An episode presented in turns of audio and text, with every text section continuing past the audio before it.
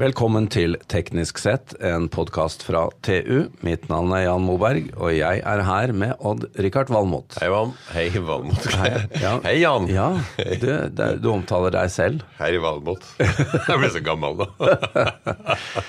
Du, Odd-Rikard, i dag tenkte jeg vi skulle snakke om eh, ikke noe som egentlig er eh, sånn direkte på lista di over de 687 favorittområdene dine. Det kan bli det. Men det kunne blitt det. Kunne ha blitt det. Og det kan bli det. Kan bli det også. Ja. Ja. For din omgang med stikksager og motorsager og vinkelsliper og sånn, så er det egentlig rart at ikke du har mista noen kroppsdeler.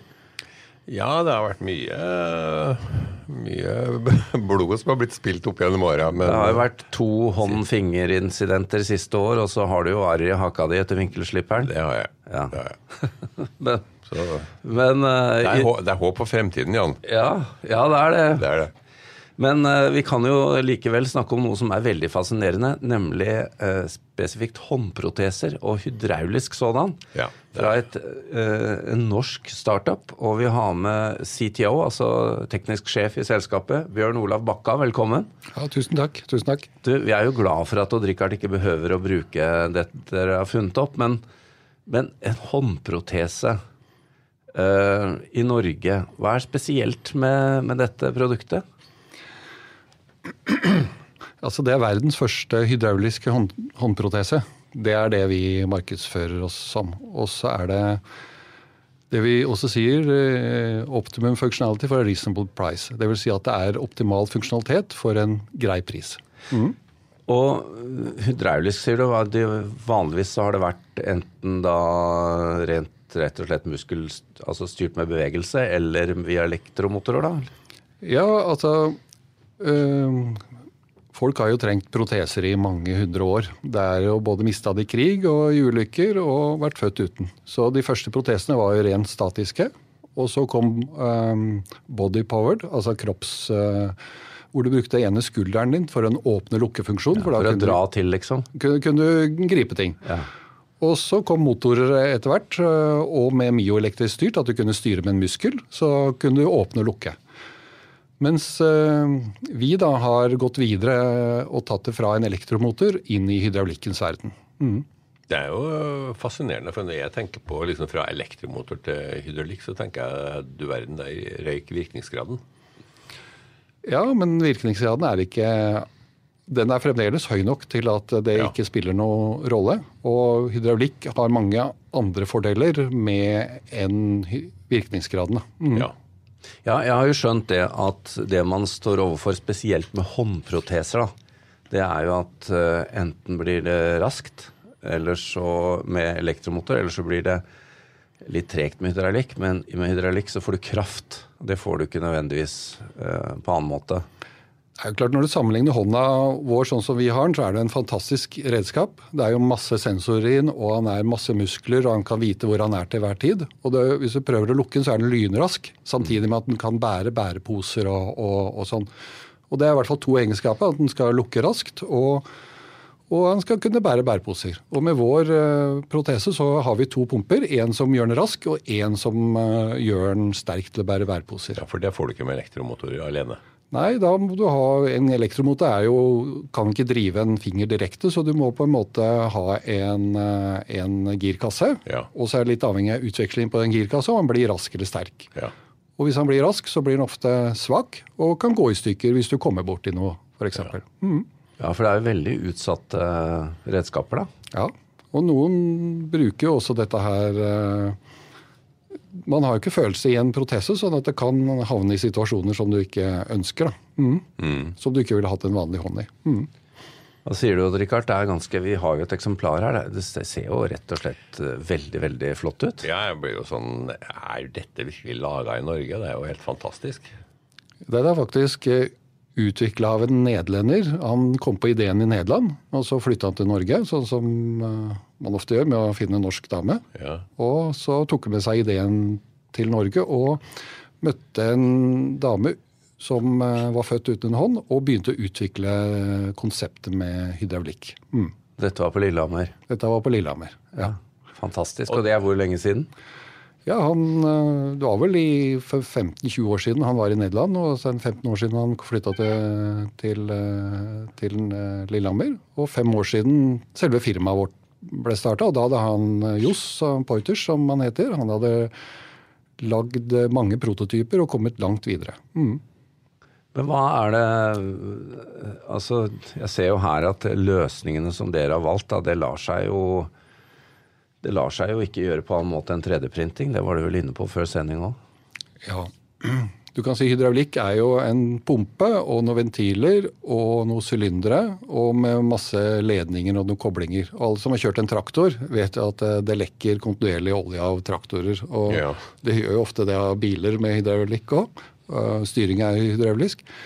Men det vi har gjort, er å putte alt sammen inn i en 3D-print. Så vi bare lager en modell på på PC-en og sender den til produsent, og ferdig kommer en uh, ferdig 3D-printa del med plass til alle delene. Mm. I uh, aluminium og titan? I aluminium, titan og i plast. Ja. Mm. er flotte saker, Andrik. Ja, jeg må si det. Altså, dette er jo et sånn synlig bevis på at 3D-print kan tilby noe uh, mye mer enn tradisjonell fremstilling. Ja, og jeg tror faktisk High Five er en av de firmaene som virkelig kan utnytte 3D-printprosessen og lage noe helt nytt. Dette er jo egentlig en stor innovasjon. Ja, er... Altså Du ville rett og slett ikke ha fått lagd dette på annet vis? Ikke at det var mulig å produsere det og, og bruke det, nei. Så, mm. Men jeg må jo spørre, den, den, hånden som eh, du har med her, da, den ser veldig elegant ut. Men det er forskjellig størrelse på hender òg. Hva, hva, hva, hva skjer rundt det? Ja, altså de fleste, Det er jo mye enklere å lage ting stort enn å lage ting lite. Så den første hånda vår var eh, det som heter en mannestørrelse. Og den nye hånda som vi lager nå, den skal komme i flere størrelser. Fra det som heter størrelse 5 til størrelse 8. Og størrelse 5 det er en eh, damestørrelse eller en ungdomsstørrelse. Og det er, det er, vi unike på, å lage en sånn avansert hånd i så mange forskjellige størrelser. Det er sånn hanskestørrelser, er det ikke? Jo, det er vel sikkert det. Ja, jeg tror det. Jeg vet ikke. jo, jeg kjøper nummer 11 på Biltema. ja. ja. men eh, da du, Jeg tar en stund før du får kjøpt sånne hender på Biltema. da. Ja, jeg tror det. Det tror jeg kommer til å ta veldig lang tid. Ja.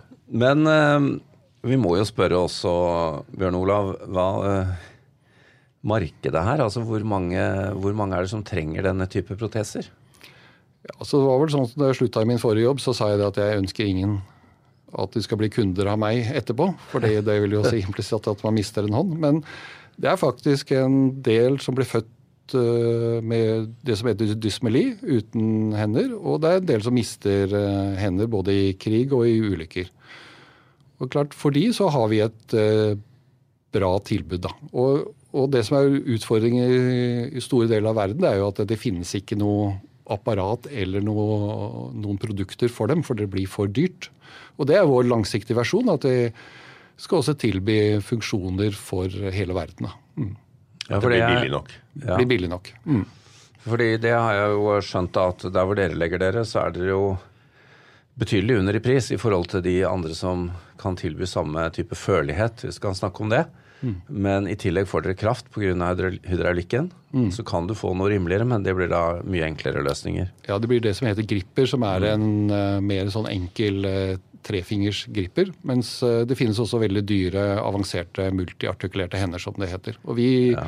legger oss ned mot griperne, men med mye bedre funksjonalitet, mye bedre gripeevne. Mm. For det er jo interessant. altså Dere var jo inne på det her. og Odd Rikard, første verdenskrig var jo en stor kickoff for proteseindustrien. Ja, det var det. Og ja. det, det, begynte jo allerede i amerikanske borgerkrig. Ja. Men det tok av voldsomt etter første verdenskrig. Da det jo, gikk det jo mye eh, armer og bein. Det gikk veldig mye armer og bein, ja. ja. Men så har det jo ikke vært noe særlig fremgang, skjønte jeg. Nei, også, det, det, har vært vanskelig òg, det skal sies. Ja, jeg snakka med en svenske her i mai. Han, eh, han hadde mista armen sin i, i, en ulykke. Og var på et museum i, i Nederland eh, ja. etter første verdenskrig. Og da ble jeg veldig overraska, for det var veldig mye av de samme produktene som fremdeles blir solgt i dag. Da. Så, de var ganske avanserte den gangen? De var nok veldig avanserte den gangen, og ikke så avanserte nå. Ja. Mm. Men det, det var ren, ren mekanikk? Du, du bevega med skuldra, ikke sant? Ja, det var mer ren mekanikk. Fordi Det som er myoelektrisk, det at du kan kontrollere ved hjelp av en muskel, det ble funnet opp etter annen verdenskrig. Av en tysker, faktisk. Mm. Setter du da en, eh, en nål inn, eller føler du på hudoverflaten? Du føler på hudoverflaten. Så du har en, en elektrode som du setter på hudoverflaten. Ja. Så, så, det blir det samme som EKG for hjertet og EG for hjernen. At ja. du fanger opp eh, impulser, impulser når musklene eh, trekker seg sammen. Ja. Og så forsterker du opp det. Og, det, og alle hendene, eller de aller fleste hendene i dag er kun åpne-lukke.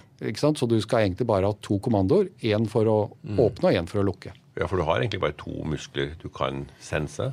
Det finnes, det er mye forskning som går på dette å putte på flere sensorer og, og få flere kommandoer. da. Men basisen, det som stort sett alle bruker, det er to kommandoer. Det er åpne og lukke. Ja. Mm. Men hvis du har avanserte hender, så kan du tenke deg at du har flere Du kan åpne og lukke. Du kan lukke i en peke, du kan lukke i en fist. Du kan lukke på forskjellige måter. Mm. Men det er som sagt at dette er ikke det som er vanlig. Det som er vanlig, er to elektroder. Mm. Ja.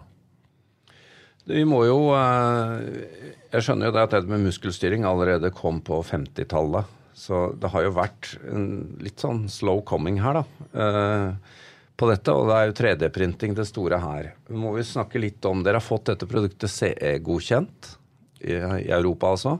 Også registrert i amerikanske FDA. Mm. Så nå er altså produktet ferdigutviklet, og dere er i salgsfasen. Eh, hva ser dere for dere videre? Altså Produktet blir aldri ferdig da, før det blir dødt, så det er fremdeles eh, i en forbedringsfase. Men ja, det er absolutt godt nok til å, å selges, og vi selger det nå. Og vi har eh, en avtale med USA rundt salg, og vi har eh, en avtale med Tyskland rundt salg. Og vi etablerer nå distribusjonsavtaler eh, i flere europeiske land. Da. Veldig spennende. Hvor mange er dere i selskapet? Ja, Jeg begynte for halvannet år siden, og da var jeg nummer ti. Nå er vi oppe i 19 stykker. Ja. Så eh, sterk økning. ja. Men du snakka mye om verden. Hva med Norge? Selges de i Norge? De selges i Norge. De, ja. Vi har jo hatt et tett samarbeid med, med, NTO på Ottestad. Og det har vært et veldig produktivt samarbeid. Så de første brukerne våre de er i Norge. Ja. Mm. Bjørn Olav, vi må avslutte litt med hvordan det er å, for deg også med din karriere. Du hadde jo en jobb i mange mange år i Kongsberg Gruppen, vet jeg. Hvor du jobbet både NSM og JSM og, og nye tårn til eh, flytrafikken. Hvordan var det å komme til et lite selskap fra et stort konsern? Ja, det var litt uh, annerledes først. Uh, men det som jeg ville gjøre, det var å på en måte komme i et lite selskap for å oppleve det. Det hadde jeg aldri gjort. og det var, litt, uh, var ikke, det var litt skremmende til å begynne med, men det gikk fort over. Og nå ser jeg meg ikke tilbake og angrer ikke. Mm. Er det noe, er et råd du vil gi til andre å kunne gjøre noe sånt? Du må være komfortabel med det, men hvis du kommer inn i et riktig selskap til riktig tid, så er det ikke noe mer morsomt enn det. Så bare stå på. ja. Du kommer jo til et selskap der du bokstavelig talt kan ha en hånd på rattet. Absolutt. Og Richard, hva, hva, har du å si? Du nevnte dårlig virkningsgrad. Det er jo ikke så farlig, da. Nei, det, det, jeg, jeg, skjønte jo det når jeg spurte om uh, hvor stort batteri må du ha. Og det er jo ikke store batterier som, bare, som trengs for en hel dag. Det er faktisk batteristørrelse på mobiltelefon. mobiltelefon. Ja. Det er alt som trengs. Og det, du sa jo at det skyldes at du beveger jo ikke den hånda hele tida slik som vi beveger i vanlige hender. Mm. Det er jo når den skal funksjonere. Mm. Og da spiller jo ikke virkningsgraden noen rolle. Da er det jo mye viktigere at den kan gjøre både øh, hurtighet og styrke samtidig. Mm. Veldig bra. Uh, Bjørn Olav Bakka, takk skal du ha. Og sammen så får vi håpe at uh, Odd Rikard overlever jula uten å måtte ringe deg på nyttår og si at du, Bjørn Olav vi, Kan jeg få, kan jeg få rabatt på jorden? Kan jeg få rabatt? Det håper jeg virkelig at dere klarer dere gjennom jula uten å uh, ta på noen hender. Ja. Takk skal ja. du ha, og lykke til videre. Og takk til vår produsent Sebastian Wium Storvik.